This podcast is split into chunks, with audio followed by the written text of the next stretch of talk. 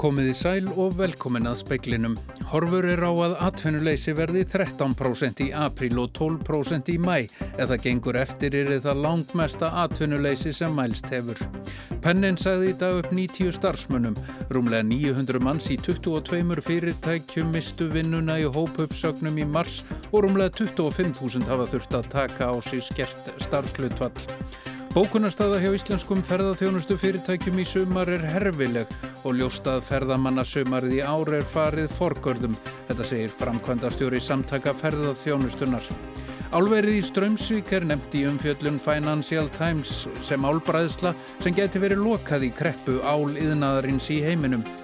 Kona á týraðisaldri segir skilja þá ákvörðun stjórnenda rafnistu að setja á heimsóknar bann Dóttir hennar vonar að varnarvekkurinn sem reistur hefur verið í kringum íbúa haldi. Venjulega hittast þær oft í viku en nú talaðir saman á Messenger. Fánar voru dregnir í halva stöng á Ítalíu til minningar um þá sem COVID-19 hefur dreyið til dauða. Umsjónamaður speilsins er Pálmi Jónasson. Stæstur hluti uppsagna í marsmánuð er í ferðaþjónustu. Frankvandastjóri samtaka ferðaþjónustunnar segir að greinin verði lengi að jafna sig en það sé útlitt fyrir að erlendir ferðamenn skili sér ekki fyrir en í lok sumars. Má segja að staðan í raunni er alltaf aðeins verri í dag en hún var í gær. Hjá mörgum fyrirtækjum er þetta ekki bara það að þau verða tekjulegs næstu 8 til 12 vikurnar á minnstakosti heldur líka það að mörg þeirra þurfa að glýma við endurgreislur sem þýðir það að, að peningar flæða út úr fyrirtækjunum í, í, set, ofan á annan kostnað fastan sem þarf að greiða um hver mánamót. Bókunarstaðan er í einu orði sagt eh, herfileg. Eh, þetta er að stórum hluta farið held ég háaninn hjá okkur. Við heldum við verðum að horfast í augu það. Segir Jóhannes Þór Skúlason, framkvæmdastjóri samtaka ferðarþjónustunnar. Jón Karl Ólafsson sem starfað hefur í fluggeranum í áratugi og var meðal annars forstjóri Æslandir segir að útitt sér fyrir að ferðabönn var í fram í júni hið minsta. Þá segja vel enn meira aðkallandi verkefni framundan. Það er að fá fólk til að ferðast á ný. Við erum að klífa við heimbriðsvá auðvitað og síðan er gríðarlega efnarslega áhrif sem er eigast að bara á daglega rekstu fyrirtækjana. En ég held að svo svona kannski verkefni sem verður áhugaverðast og kannski mest aðkalliti þegar, þegar líðið tökur á er að kveiki aftur á eftirsputinu og fór fólk til þessir öfverulega að vera tilbúið að ferðast og, og reyfa sig aftur. Sagði Jón Karl Ólarsson, Magnús Geir Eyjólfsson tók saman. Pennin sagði í dag upp 90 starfsmönnum í öllum deildum fyrirtækisins svo er ástæða uppsagnanna sögð áhrif COVID-19. Starfslutfall annara starfsmanna hefur verið skert. Tilkynningar um uppsagnir og skert starfslutfall hafa hrannast inn hjá vinnumálastofnun síðustu daga marsmánadar. Alls mistu 900 manns hjá 22 fyrirtækjum vinnuna í hópu uppsögnum í mánuðinum. 5.400 manns gráðu sig atvinnulöysa og stopnuninni bárust tæplega 25.000 umsóknir um bætur á móti skertu starfslutvalli fyrir voru rúmlega 10.000 á atvinnuleysi skrá. Forstjóri landsbítala og almannavarnir byðla til fólks að vera heima um páskana, ferðalög, auki, hættun áslýsum og álægi á heilbyrðiskerfið. 35 eru á spítalanum með COVID-19, 11 á gjörgjæslu og 9 þeirra í öndunavél. Sankvæmt spálíkan í Háskóla Íslands er útlitt fyrir að faraldurinn ná í hámarki í byrjun april og að mesta álag á landspítala verði í kringum páska. Pál Mattíasson, forstjóri spítalans, byðla til fólks að halda sig heima í páskafrínu til að forða því að of mikið álag verða á spítalanum. Ég held að það sé mjög mikilvægt þegar að svona mikið mæðir á heilbríðiskerfinu og við erum að beina allir þeirri orku sem við getum að því að breyðast við þessum faraldri að þá sé ekki, þá við, þurfum við ekki líka að glýma við uh, hópslis eða stórslis önnur. Víðir Reynisson yfir lauruglu þjóttni á Ríkis lauruglustjóra segir að rætt hafi verið um að banna hreinlega bústaðaferðir eins og hefur verið gert á öðrum Norðurlöndum. Því fleiri sem er á ferðinni, hvort sem það er á þjóðugunum eða hálendinu, því er meiri líkur að verið slis og þar alveg meir líkur á því sem að skapa mikla pressu á helbriðskerfi sem er mjög þannig fyrir. Í öðru lagi er það þannig að, að ef að fólk hópast saman í þessar sumabústafbyggi sem eru mjög víða, þá vorum við að sapna saman jæfnveg þúsundum á heilbriðisvæði sem er mjög veik. Ef við sjáum að það er ennþá að rýsa tölurnar á gjörgjastunni og jöndunum vil, kemur þá til greina að setja bara á samgöngubann yfir páskanum? Já, við höfum, eins og við höfum alltaf sagt, við munum ekki hika við að grípa til aðgerða þó að það þurfa að gera með stuttum fyrirvara ef að ástandi breytist þannig. En núna erum við að, að byggla til fólks og, og hérna, við höldum að það muni virka. Sagði Víðir Reynisson Alma Ómarsdóttir talaði við hann. Viðbræðstjórn og farsóttanemnda landsbítala hafa ákveðið að aðstandendur hvenna í keisaraskurði fá ekki að fylgja þeim á skurðstofu. Eftir fæðingu fá aðstandendur að koma í stuttastund til að hitta móður og barn. Gripið er til þessara ráðstafana til að koma í veg fyrir COVID-19 smitt. Á dögunum tók svo regla gildi á spítalanum að makar hvenna megi fylgja þeim í fæðingu en ekki á sængur hvennagang. Það er á stofuna þar sem móður og barn dveljað fæðingu lokinni. Svo regla verður áfram í gildi þegar kemur að hefbundnum fæðingum en enginn má vera með móður í keisaraskurði.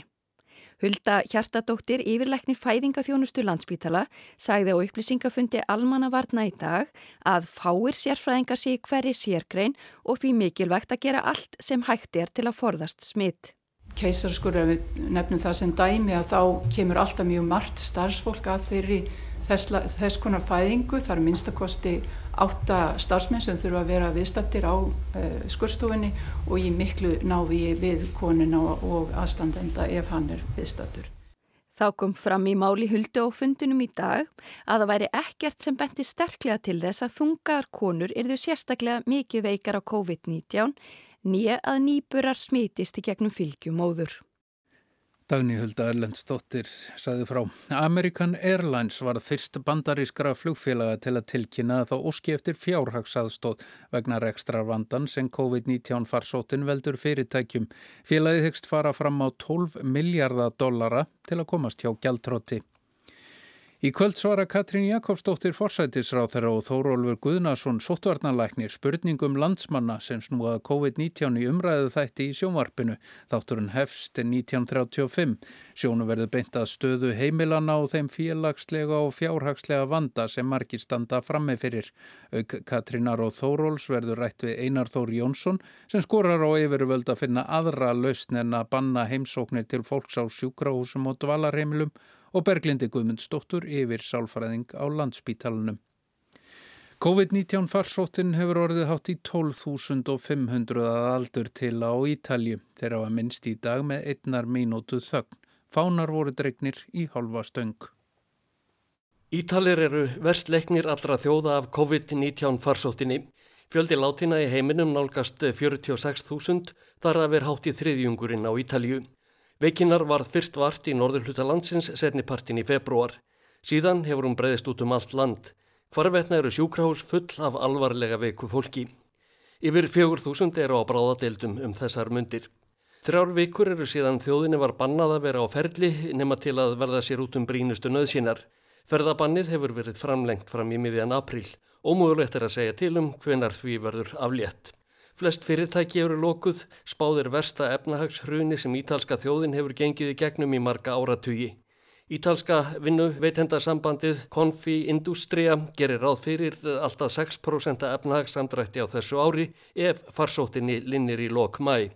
Gesi hún lengur má búast við að samdrátturinn aukist um 3 fjörðu úr prósentustígi á hverju mánuði meðan hún varir. Áskir Tómasson sæði frá. Pósturinn undir býr nú heimkerslu á matvöru og annari dagvöru til heimila í sveitum landsins. Verkefnið hefst í skagaferði á næstu dögum og er áformað að hefja dreifingu á fleiri svæðum. Elvar Bjarki Helgason, forstöðumæður Söludeldar Póstsin, segir að fólk og verslanir hafi undanfarið spurst fyrir um möguleika þess að keira matvöru til þeirra sem búa í sveitum. Eftir spurnin eftir slíkri dreifingu hafi almennt aukist að undanförnu. Aðstandendur Eurovision hafa tilkynnt að tilstandi að gera skemmti þátt sem síndur verður 16. mæ, daginn sem átti að halda keppnina. Þó að engin kostning fari framverðu, daða og gagnamagninu á samt öðrum keppendum í ár bóðuð að koma fram.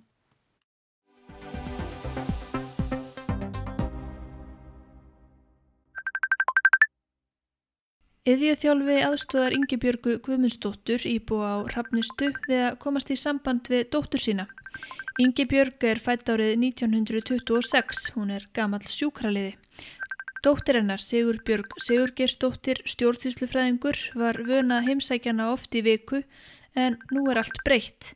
Þessa dagana eiga þær í samskiptum á netinu í gegnum myndspjall. Yngibjörg skilur þá ákverðun stjórnenda heimilisins að reysa varnarveggum íbúa og Sigur Björg dóttirinnar vonar innilega að veggurinn haldi. Saman hafa þær áður gengi í gegnum heimsfaraldur sem hjó skarði fjölskyldu þeirra en þessi faraldur er öðruvísi en það samfélagið gjör breytt. Það er maðgur ræða heimsmálinn Íngibjörg segist ekki hafa miklar áhyggjur af kórnuveirunni, segir að í raun séu mennirnir meiri pláa en COVID-19. Mennirnir sem stjórna heiminu, það eru yngreðis herrandir.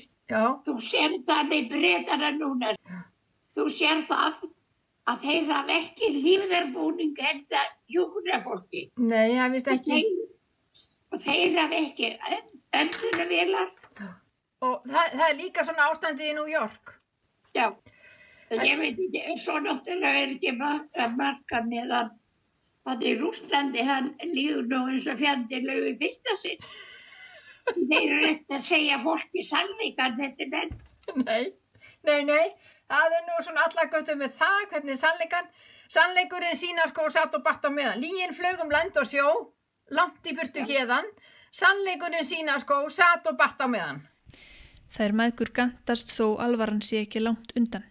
Sigurbjörgu finnst erfitt að geta ekki heimsótt móður sína. Þetta er auðvitað mjög svona blendna tilfinningar. Ég, hérna, svona, svona tókast á í manni vegna þess að í fyrsta lagi þá er ég náttúrulega bara mjög leið yfir því að geta ekki hérna heimsóttana og farið til hennar og verið þarna eins og gráðkvæmsturinn sem ég hef alltaf verið þegar hún fór á hjókunum heimilið hjá henni En á hinn bói þá finnum maður fyrir svona ákveðnu kvíða, finnum fyrir ákveðnu kvíða og svona að vera í þessari óvissum það munum þessi varnarmúrar halda. Mun, munum við eða munum stjórnendum og starfsfólki og, og stjórnvöldum takast það að verja þannan viðkomast að hópa okkar, verja ástun okkar. Og maður, mér finnst það hefur öllu yfirsterkara. Hún segir að líklega hafi starfsfólk heimilana aldrei verið undir meira álægi. Það kvíli á herðum þess að verja íbúa og á sama tíma þurfið það að reyna að fylla upp í gatið sem myndast í lífi fólks þegar það fær ekki ástfinni sína lengur í heimsókn. Þannig að þetta er alveg ótrúlega staða sem er uppi bæði hjá stafsfólkinu, hjá íbúunum og hjá okkur sem standum bara hérna utan við klukkan og veifum þeim. Sigurbjörg segir starfsfólkið ótrúlega elskulegt og alltaf vilja gert. Það hafi líka verið auðsótt fyrir Yngibjörgu að fá aðgangað spjaltölvu deildarinnar og aðstóð alltaf þegar þær maðgur vilja spjalla saman. Og ég finna að það er mjög mikill munur fyrir mig og líka mömmu að við sjáum hver aðra. Mamma talar miklu meira og slæðir miklu meira svona letari strengi, hendurnar eru svona frjálsar og, og svona hún er miklu líkari sjálfum sér eins og þegar ég er hjá henni. Heldur en þegar ég er með henni í símanum. Yngibjörg segir faraldurinn ekki hafa haft mikil áhrif á sig og lífsitt á hjókrunarheimilinu. Ég sef ágætlega fyrir þessu. Já, þú sefur ágætlega fyrir þessu. Já, ég er nefnilega komin á þann aldur Já. að það er bara brættara tíminn hvernig verður það. Hún segist hafa ofana fyrir sér með því að hlusta á fréttinnar. Hún hafi ekki dorðið andvaka yfir þessum ósköpum og svo sé hún með margar ágættar bækur að lesa. Þó svona pláa hafi ekki gengið yfir í hennar tíð, þá er í huga Ingebergar ekki svo langt frá því að spænska veikin reið yfir. Sá tími var greiftur í minni kynnslóðarinnar á undan henni og hún segir að Íslandingar hafi lengi kunnað að bregðast við svona farsóttum. Þeir eru það klárir, þú sér það 1806, Já. þá lagskipa þeir bólusetningu við stórum kúabólunni. Já. Halla. Já, það var nú að gera. Vittanum að ríkja setna. Hef, hefur verið syngt meira til þín mamma núna eftir að heimsóknarbanni byrjaði? Já, það ringdi nú. Ringdi einn vinkun og býta. Hún ætti að koma og menn ekki þetta er ég var lókuð af. Þú hefur að minna ná það? Hvernig virkar þetta á því mamma að vera í svona heimsóknarbanni? Það virkar ekkert eitt öðruvís á mig. Ég gefst út stundum einu sem á það. Já. Það ég er náttúrulega svo látt sett í þjóðfélaginu góða minna. Ég fæði enga, fæði enga kórunu. Þú fæði enga kórunu. En mamma, e, þegar þú hugsaður um það.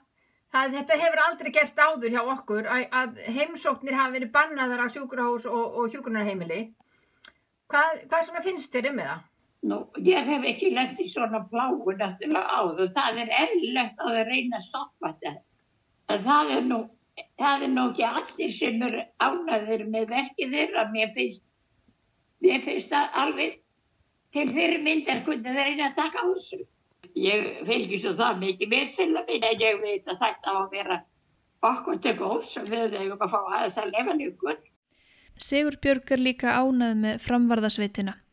Samfélagið hafi þróast alveg ótrúlega mikið á Íslandi síðastliðin 30 ár. Hún talar af reynslu. Saman hafa þær mæðgur nefnilega áður gengið í gegnum heimsfaraldur sem hjó skarði fjölskylduna. Bróðir Sigur Björgar og sonur Ingi Björgar, Sigur Geir, lest úr alnæmi árið 1987. Það er er svo merkilegt að þetta skuli ekki hafa komið upp í samtölum með mín og mömmu. Vegna þess að nú erum liðinu 30 ár síðan við vorum uh, að hérna síðan við vorum með bróðum minn og við reyni slóum skjálborg um hann til að leifunum að deyja í friði og ég raun og verið bara að deyja í félum.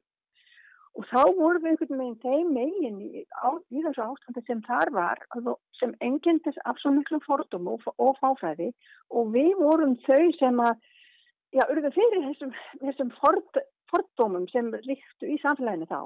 En núna, 30 ára segna, eh, eru náttúrulega í allt öðrum kringustæðin fyrsta lagi með mjög mikla þekkingu og frábært skipulag í kringum viðbröðum við þessu, en svo erum við bara allir þessu saman.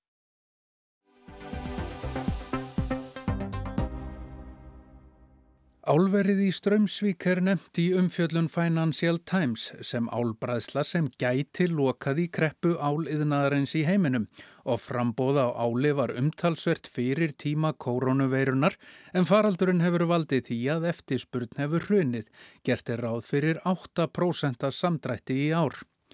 Ketill Sigurjónsson, orkublokkari og framkvæmdastjóri vindorku fyrirtækisinn Sefir Æsland segir að í faraldrinum drægi töluvert úr eftirspurn sem bætist við og frambóð fyrri ára. En það er þetta líkur að því að drægjur eftirspurn eftir margs konar vörum og, og, hérna, og, og meðalans vörum sem áli notað í og það þýðir að eftirspurnu til áli gæti dreigið saman sem er náttúrulega mjög óvinnlegt því að eftirspurnu til áli hefur nánast vaksi ár frá ári í mjög langa tíma. En það var offrambóð fyrir þennan faraldur þessi staða núna, hún bætir ekki stöðuna? Nei, þetta kom á slæmum tíma og jötna, fyrir áliðnaðin og, og, og fyrir kannski okkur öll en jötna, það er rétt að það var farið að bera, bera á, á offramlegslu sem að, kannski var vísbyndingum að hefnaðslífið þá sérstaklega Kína væri að, að væri að hægja á því meira en menn hefur búist við, að hraðar en menn hefur búist við að vöxtunum, vöxtunum var að verða hægari en menn byggust við og þess vegna þá er fljótt, fljótt að sapnast upp ál og myndast þetta offrambóð. En 8% samdráttur sem spáðir í Financial Times þýðir það ekki einfallega að álverum verði lokað og það er jafnvel í stórun stíl? Já, sko síðast er eitthvað kannski svipa gerðist í efna, þessum, þessum bransað. Það, það er e, e, í kjálfar fjármálakreppunar fyrir um það vil áratug síðan að rúmlega það. Þá uh, myndast áframbóð áli en, en það er eins og svoleiðis að álfyrirtæki, þetta er stór fyrirtæki og, og þau eru harðir í samkjöfni hvert að annað og þau, þau eru treg að draga úr framlýslu. Þau jæna, vilja þetta frekar að sé, að sé einhver, einhver samkynnsæðalina sem missir, missir spónur sínu maski. Og þess vegna, þess vegna er, er, er, er mikil tregða að draga úr framlýslu. Financial Times segir að áliðnaðurinn standi frammi fyrir hruni í eftirspurn sem geti orði til þess að mörg þúsund manns missi vinnuna. Kóronaveiru faraldurinn hafi valdið því að likil kaupendur áls haldið að sér höndum í ljósi minkandi eftirspurnar. Eftirspurnin mingi um 8% á þessu ári samkvæmt rákjafa fyrirtækinu CRU. Bílaframleðendur eins og Peugeot, Volkswagen og Ford hafa þegar dreyið verulega úr framleiðslu sinni vegna sóttkvíjar, útgöngubanns og minkandi spurnar eftir bílum. Álframleðsla stefnir því að verða 6 miljón tonnum meiri en eftirspurn en gæti orði 4 miljónum tonna umfram eftirspurn ef stórir framleðendur eins og Alcoa og Rio Tinto bregðast hratt við og loka óhagkvæmum álbræðslum. Til þess að setja þessa gríðarlegu offramleðslu í samhengi bendir Financial Times á að eftir heimskreppuna fyrir rúmum áratug var offramleðslan innan við fjóra miljóni tonna og þá tók mörg ár að ná þokkalögu jafnvægi. Íon Dinsmór, sérfræðingur hjá Sjeru, segir útilokað að koma í vekk fyrir offramleðslu í áliðnaði. Stopnunin gerir ráð fyrir að álbræðslur sem framleiði 900.000 tonna af áli árlega verði lokað í Kína og álbræðslur sem framleiði rúmlega 1 miljón tonna verði lokað annar staðar í heiminum. Dinsmór gerir ráð fyrir að það verði aðalega í Evrópu og Ástralju. Alcoa framleiðir árlega þrjár miljónir tonna af áli og tók helming þeirra til rækilegar endurskoðunar á síðasta ári. Rio Tinto hefur hótað að loka álbræðslum bæði á Nýja Sjálandi og í Strömsvík í Hafnafyrði ef ekki fæst lækkun á orkuverði eins og rækiður í greininni. Ketill segir óvíst hvort komi til lokunar álversins í Strömsvík. Nú er þetta álver að ég hygg að greiða til dæmis rávorkuverði sem er alveg bærilegt en það er visslega svo að með eins lágt álverð og það er í dag þá er, er vesmiðan í Strömsvík sannlega ekki með tapi en eh, menn, menn eh, fjárfæsti í álverði til langs tíma og, og ef að eigendunni telja að sé einhverju voni til þess að álverð hækki innan ekki mjög langs tíma að þá hljóta er að vilja halda þessu álverði í gangandi. Þar auðvitað er álverið með ráðokursamning sem, sem að ekki er þetta ganga einfallega út úr. Þannig að það er, er rík kaupskilda á álverðinu og, og það myndi uh, kosta álfyrirtæki verulega fjárhæði að, að loka álverðinu bara með því að þurfa að greiða ráðokur, uh, já borga fyrir ráðokur sem ekki verið nóttuð. Við vitum hendur ekki nákvæmlega hvernig sá samningur er að því að hann hefur ekki verið gerður ofinbyr en við vitum að það er einhvers konar kaupskilda. Sérfræðingar sem speillin hefur rætt við segja að það sé mjög dýrt að loka álverum. Bæði kostar miklar fjárhæðir að ræsa álbræðslu upp að nýju og svo eru orkusamningar til langs tíma óháð því hvort álverin eru starfandi eða ekki. Það sé hins vegar líklegra en áður að álverin í strömsík verði lokað. Taprekstur þess sé slíkur að það nálgist að vera hagkvæmt að loka verksmiðinni og borga fyrir raforkuna og sleppa þannig við tapið. Auk þess mingar þá álframleðslan sem gæti stutt við hærra álverði í heiminum. Ketill og aðrir sem speilin hefur rætt við telja hins vegar afar ólíklegt að álverunum fyrir austan eða á grundatanga verði lokað. Það séu nýri álbræðslur og með hagstæðari orkusamninga. Ketill segir að álverið fyrir austan greiði eitt lægsta orkuverð í heimi. Álverð var mjög látt eftir fjármálakrísuna fyrir rúmum áratug en náði hámarki fyrir tveimur árum þegar álverð fór upp í 2500 dali á tonnið. Það var aðalega vegna refsi aðgerða bandaríkjana gegn rúsum sem hafi mikil áhrif á rúsal, stærsta álframleðanda heims utan Kína. Álverð hefur síðan lækkað mikið og nálgast nú 1500 dali fyrir tonnið, hefur ekki verið lægra í fjögur ár. Colin Hamilton, sérfræðingur hjá BMO, segir að helmingur álbræðsla í heiminum sé nú reikin með tapi og reikna með ennfrekari lokun álbræðsla í heiminum.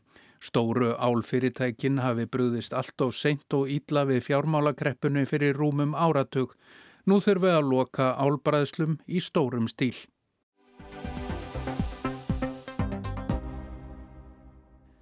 Atvinnuleysi verður talsvert meira en spáð var í síðustu viku vegna þess að mun fleiri hafa sótt um atvinnuleysi spætur. Nú er útlitt fyrir að atvinnuleysi í aprilverðu um 13 af 100 og 12% í mæ. Þá er því spáða atvinnuleysi að meðaltali á þessu ári verðu um 8%. Atvinnuleysi meldist um 3% framan af ári í fyrra en fór að aukast í lok ársins. Í síðasta mánuði meldist það 5% sem var full ástæð til að hafa talsverðar áhugjur af. Eftir fall váeri fyrra fóra Hallundan fæti í februar síðastlinum bárust aðeins tvær tilkynningar um fjöldu uppsagnir ef hægt er að koma svo á orðin. Alls var 62 sagt upp í störfum sem tengjast ferðarþjónustunni, 40 á höfuborgarsvæðin og 22 á Vesturlandi. en nú hveður heldur betur við annan tón sem kemur reyndar ekki á óvart. Aðal hagfræðingur Íslandsbanka spáir því í morgumblæðin í dag að tekjutap í ferðarþjónustunni geti numið um 260 miljardum frá miðjum mars til loka ágúst. Veruleikin er að algjört hrun blasir við í ferðarþjónustunni sem hefur síðan áhrif út um allt atunlífið. Töluru vinnumálastofnunar um hóp uppsagnir, umsóknur um bætur vegna minkaðs starfslutvals og umsóknur um atunleysisbætur staðfesta það. Um miðjan dag í dag hafðu borist tilkynningar frá 22 fyrirtækjum um hóp uppsagnir sem ná til yfir 900 starfsmanna. Þá hafa borist umsóknir frá um 23.000 um hlutabætur vegna minkas starfslutvals. Vinnumálastofnun gerði ráð fyrir í spá sem gerð var á 50 daginn að umsóknir vegna hlutabóta yrðum 19.000 en gætu farið í um 20.000. Atunleysa áskrundvelli yrði 7,4% á þessu ári. Óvissumörkin voru talsverði, háspáin hljóðu upp á 8,3% atunleysi en lágspáin upp á 6,6%. Vinnumálastofnun gerir líka ráð fyrir að atunleysi haldi áfram á næsta ári verði að meðaltali 6,4%. Svarsýnasta spáin er hvað á um að atunleysi á næsta ári geti farið í 8%. Spá stofnarinnar var í í síðustu viku að atunleysi erði 10,8% í næsta mánuði og 10% í mæ. Þetta var mesta atunleysi sem mælst hefur frá því að regullegar mælingar hófust 1980. En það er erfitt að spá á þessum tímum því spáin hefur breyst talsvert. Nú eru horfur á að atunleysið á í næsta mánuði verðum 13 af 100 og 12% í mæ miða við óessum örku gæti atunleysið jafnvel farið í 14% í næsta mánuði. Það er mismikið eftir landslutum, líklega mest á suðunésum, þar sem það gæti farið í um 20 af 100. Mesta atunleysi sem mælst hefur var í februar 2010 9,3%. Óvissan er mikil og erfitt að spá fram í tíman, segir henni hins hagfræðingur aðeins í en óttast alþýðsambandið að atvinnleysið verði langvind. Óvissanum það er auðvitað ennþá mjög mikil. Að hluta til mun það auðvitað ráðast af því hvað tekur langan tíma nátökum á faraldrinu bæði, bæði hér heima og líka erlendis vegna þess að atvinnleysi hér eh, eru auðvitað að lenda langmest á ferðarfjómsdunni þó, þó að við sjáum það seitla yfir í aðrar greinar líka en það sko, hvað tekur langan tíma fyrir ferðarþjónustuna að ná sér aftur á stryk, það ræður miklu um það hvernig staðan á vinnumarkaði mun þróast. Þannig að tíminn er, er eitthvað sem að, sem að skipti verulegu máli. Svo er auðvitað annað sem við horfum mjög til og það er, er það hversu fljótt við grípum hér til þessar svo kvöldu virku vinnumarkas aðgerða þar sem við þjónustum þann hóp sem er að missa vinnuna, gerum fólki til dæmis klefta að sækja sér aukna mettun og svo framvegir. Þetta getur allt saman haft verulega áhrif á það hver langt áhrifin eru og þess vegna leggjum við mikla áherslu á það að stjórnvöld horfi strax til þessara aðgjara. Það hefur mikil áhrif framhaldið.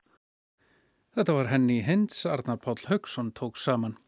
En það var helst í speklinum að horfur eru á að atvinnuleysi verði 13% í april og 12% í mæ. Ef það gengur eftir er það langmesta atvinnuleysi sem mælst hefur.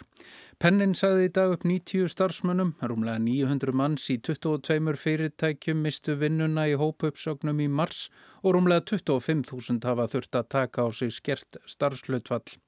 Bókunarstaða hjá íslenskum ferðarþjónustu fyrirtækjum í sumar er herfileg og ljóstað ferðamanna sumarið í ári farið forgörðum, þetta segir framkvæmdastjóri samtaka ferðarþjónustunar. Sankvæmt spálíkanni Háskóla Íslands er útlitt fyrir að faraldurinn nái hámarki í byrjun april og að mesta álag á landsbítala verði í kringum páska. Álverði í Strömsvík er nefnt í umfjöllun Financial Times sem álbræðsla sem gæti verið lokað í kreppu áliðnaðarins í heiminum. Kona á týraðisaldri segist skilja þá ákverðun stjórnenda hrafnistu að setja á heimsóknarbann. Dóttirinnar vonar að varnarvekkurinn sem reistur hefur verið kringum íbúa haldi. Venjulega hittast þær oft í viku en nú tala þeir saman á Messenger. Og fánar voru dregnir í hálfa stönga á Ítalíu í dag til minningar um þá sem COVID-19 hefur dreyið til dauða. Það er ekki fleira í speklinum í kvöld, tæknum að það var mark eldrett, verðið sæl.